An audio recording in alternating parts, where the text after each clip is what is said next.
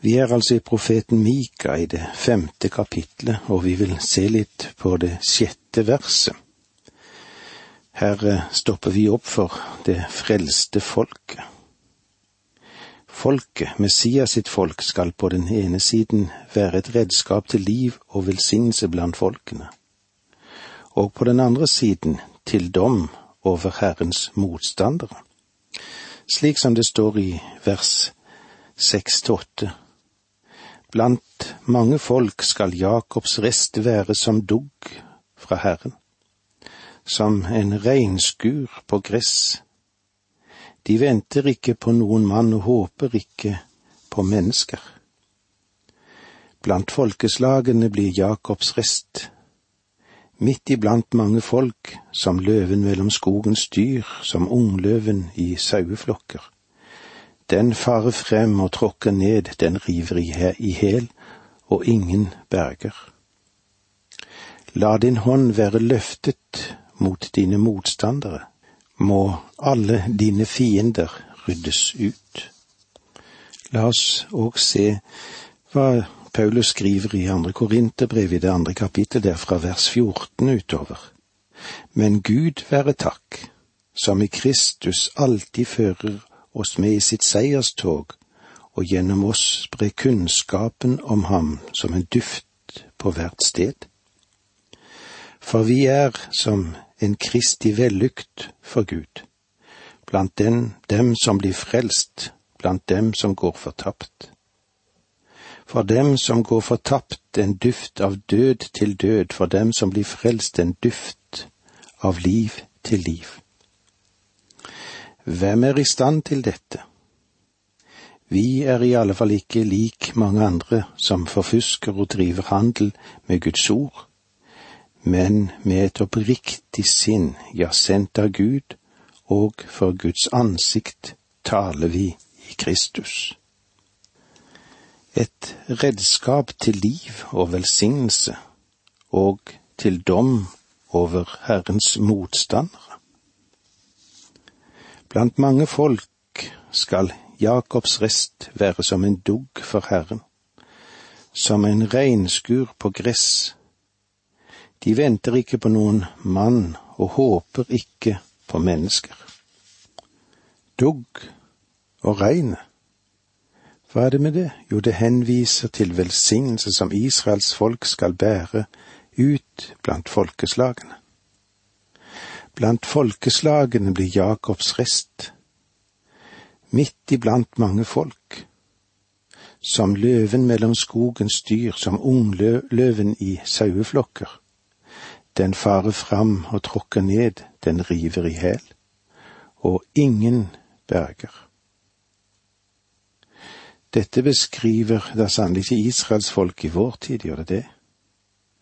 Israel har vært i en klemme i årevis men Gud lover at i fremtiden, når Israel blir lydig mot sin Herre og lever i fellesskap med ham, så vil han gjøre dem til hode for nasjonene, og ikke bare som en hale. La oss se hva det står i femte Mosebok 28, 13.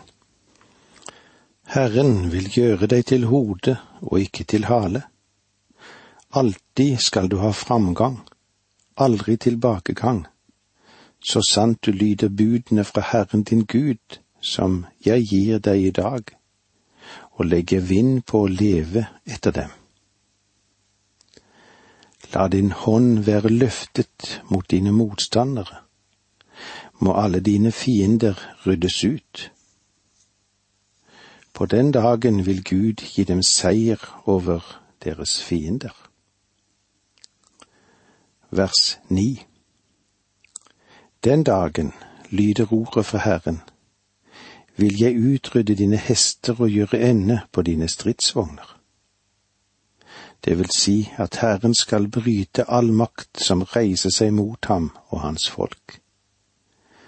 Den dagen, den hører fremtiden til. Slik er det fremdeles.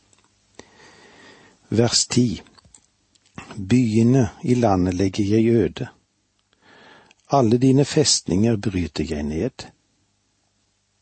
tanken her den synes å være at Gud vil fjerne alt som Israel hittil har lenet seg til for å finne støtte. Hester og vogner og befestede byer. De kommer ikke til å trenge de lenger. For deres Messias, han vil bringe fred på jorden. Men denne freden og denne seieren, den skal bli helt annerledes enn det som menneskene tenker. Den består først og fremst av alt i det at Herren rydder bort det som mennesket kan bygge opp av sin egen kraft, og som de gjerne vil stole på, i stedet for å sette sin lit til Herren. I vers elleve og tolv leser vi slik. Trolldomsmidlene vil jeg ta fra deg, tegntydere skal du ikke lenger ha. Dine gudebilder rydder jeg ut, dine steinstøtter tar jeg bort. Du skal ikke lenger bøye deg og tilbe det du selv har laget. Falske religioner og avgudsdyrkelse skal bort. De vil bare tilbe den levende og den sanne Gud. Asjerapelene river jeg opp, og byene legger jeg øde, står det i vers 13. Her er det snakk om avgudsbilder og spesielle tilhogne statuer eller steinstøtter med særlig form som kan peke hen på trolldom. Vers 14 I vrede og harme tar jeg hevn over folkeslag som ikke vil høre. Folkeslag er de nasjoner som forfølger hans folk. Messias, han vil bringe velsignelse og fred til Israels rest, og til resten i de enkelte nasjoner i verden som venner seg til ham. Men han vil ta hevn over folkeslag som ikke vil høre. Dette tror jeg det henviser til den store trengselsperioden. Det var eh, så langt vi hadde med oss i kapittel fem. Kapittel seks er begynnelsen til Mikas tredje og avsluttende budskap til verdens nasjoner, og særdeles da til Israel. Selv om kapittel seks og syv er et budskap, så har jeg tatt meg den frihet å dele disse to kapitlene og gjøre hvert av dem til et hovedavsnitt. Det første hovedavsnittet er bot gjelder nå for forløsningen i fortiden. I det første verset her i Mika seks leser vi slik. Hør hva Herren sier. Reis deg før din sak for fjellene. La haugene høre din røst. Denne delen begynner med, som de andre hoveddelene i denne boken, slik som de har begynt. Jeg vet ikke om du husker det, men hør hva Herren sier. Hør hva Herren sier. Og dette er et kall ikke bare til Nordriket, men igjen tar jeg det også dette med som et kall til hele verden i det å høre. Hør! Gud vil nå bekrefte sin klage mot Israel. Gud har hatt et stevnemøte med sitt folk Israel, og fra dette møtet kan vi lære en viktig lekse. Reis deg, før din sak for fjellene, la haugene høre din røst.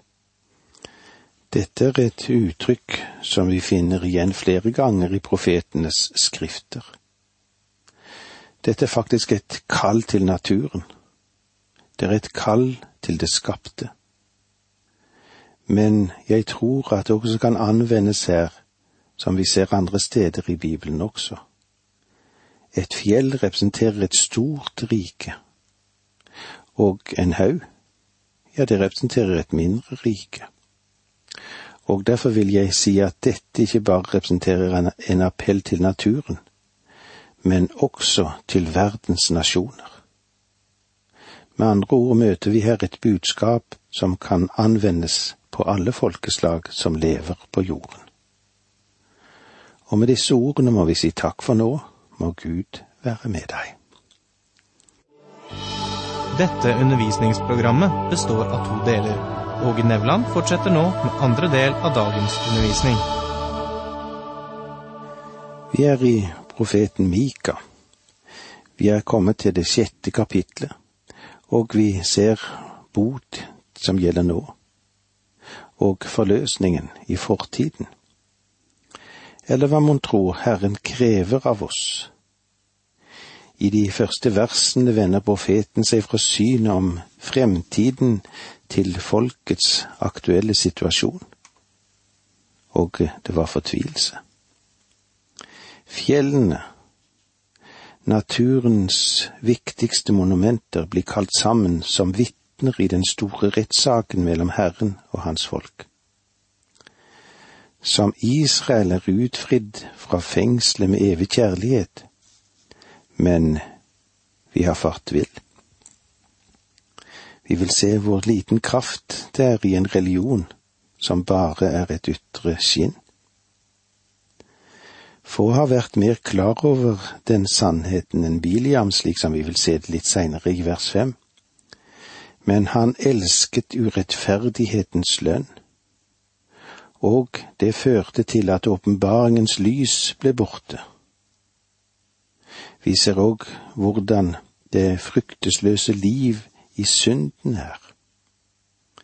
Før eller senere så vil naturen reagere. En sår, men eh, det blir lite høst. Han trår til med vinpressen, men det blir ingen vin. Den eneste veien til virkelig å bli tilfredsstillet, tilfredsstillet og fra fred er å leve i Guds kjærlighet og tjene ham. Hvorfor er det slik at vi er så trege når det gjelder å gå på den veien? Kan du forstå det? I vers to her i Mika seks leser vi slik. Hør Herrens klagemål, dere fjell. Lytt nå, jordens faste grunnvoller. For Herren har sak med sitt folk han går i rette med Israel. Hør Herrens klagemål, dere fjell. Folkeslagene i verden, de skal høre det. Lytt nå, jordens faste grunnvoller. Det er de store folk og nasjoner i verden som har eksistert gjennom tusener av år, og likevel står de fjernt fra Gud. Gud gir de nå et budskap. For Herren har sak med sitt folk. Han går i rette med Israel. Gud har et oppgjør med sitt folk, og han kaller dem faktisk innenfor den guddommelige rettsskranke. Så er det da at Gud gjør noe overraskende og noe uventet. Når han møter i retten i stedet for øyeblikkelig å sette frem anklagene mot dem, så sier han, Hva er jeg skyldig i? Kan du tenke deg at den allmektige Gud vil nedlate seg til dette overfor små mennesker, de som er så uregjerlige på denne kloden som vi lever på? Vers tre Mitt folk, hva har jeg gjort deg? Hva har jeg trettet deg med? Gi meg svar. Med andre ord sier Gud til dem, Hvorfor har dere vendt dere fra meg? Hvorfor har dere vraket meg? Hva har jeg gjort mot dere? Vi møter dette spørsmålet igjen hos profeten Malaki, den siste boken i Det gamle testamentet. Etter fangenskapet vendte folket tilbake til landet og ble svært så blaserte, ja, svært så arrogante. De glemte alt om det babylonske fangenskapet. Jerusalem var blitt gjenoppbygget, og de gledet seg over en ny velstand. Da Malaki talte til dem og sa, Vel, for å være ærlig så er dette å drive med religiøse ritualer svært kjedelig og trettende. På sett og vis kan vi vel være enig med dem i det. Men problemet, det lå ikke hos Gud. Problemet det lå hos dem. Mika kommer til å være svært så detaljert og klar her når det gjelder spørsmål om hva problemet egentlig var. Gud har bedt folk om å vitne mot ham og si ham hva han har gjort. Nå vil han vite hva han har gjort for dem. Hva er det Gud har gjort? Har Gud vært ufin mot dem? Har han mishandlet dem? Dro han dem ned til Egypt og bare lot dem være der og glemte dem siden? Det kunne han jo ha gjort.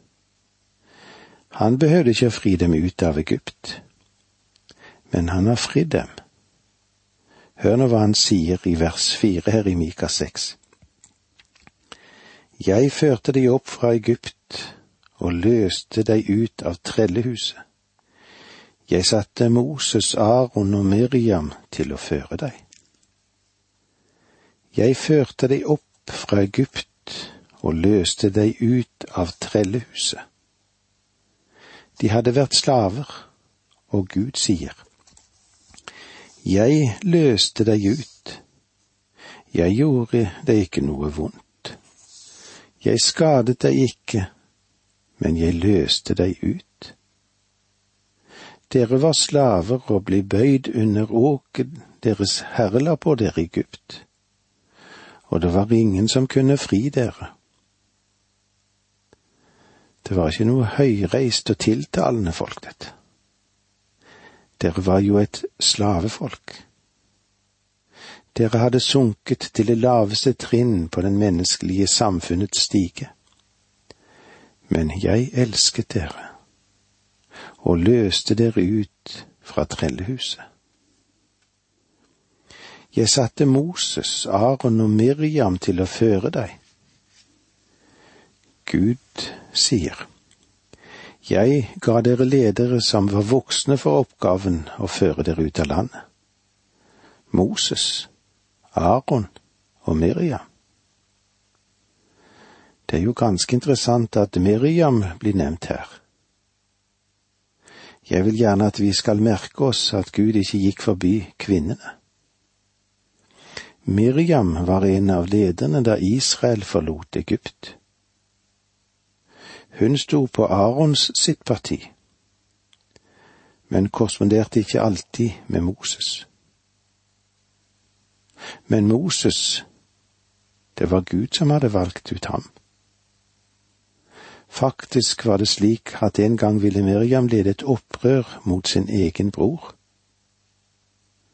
Da folket kom ut i ørkenen, tok Moses over lederskapet. For han, ja, Moses, han sto jo under Guds spesielle overvåking. Men Miriam sa, Hvem er det han egentlig tror han er, når han kan kommandere meg? Jeg husker da han var bitte liten og mor og jeg la ham i den lille sivkisten og plasserte ham mellom sivet på Nilens bredde. Hadde vi ikke gjort det, hadde han blitt drept av farao. Jeg sto der på avstand. Jeg våket over ham. Hvem tror han han er? Han kan takke meg for livet. Kan det være slik at Miriam var den første kvinnefrigjøreren vi har hatt? Hun var leder, og hun var valgt av Gud. Og jeg har en følelse av at hun spilte en meget sentral rolle når det gjaldt forhold til kvinnene i Israel. Kan du forestille deg hvilke problemer som kunne dukke opp blant kvinnene, og blant barna, når de var der i ørkenen, ørkenvandringen. Ja, kan du tenke deg hvordan de hadde det, kvinnene og barna? Her ville det dukke opp problemer som Moses ikke visste hva han skulle gjøre med. Så Miriam, hun måtte jo ha vært til stor hjelp for ham. Folket i Israel på Mika sin tid klaget over at de var så slitne og de var trette av å tilbe Gud. Og så sa de, Når vi tenker oss om, hva har han egentlig gjort for oss? Så gikk Gud tilbake i historien og minnet dem om hva han hadde vært for dem og gjort for dem. Gud forhandler med dette folket ut fra hjertets ømhet for dem. Vers fem Mitt folk, kom i hu hvilke planer han hadde Balak, kongen i Moab, og husk det svar han fikk av Biliam, Beors sønn, på veien til Shittim til Gilgal, slik at du kan skjønne Herrens frelsesgjerninger. Det vi har her, er en henvisning til en vidunderlig hendelse som gikk tilbake til den tid da Israel sto i ferd med å dra inn i løftets land. Mitt folk. Med disse ordene må vi si takk for nå. Må Gud være med deg.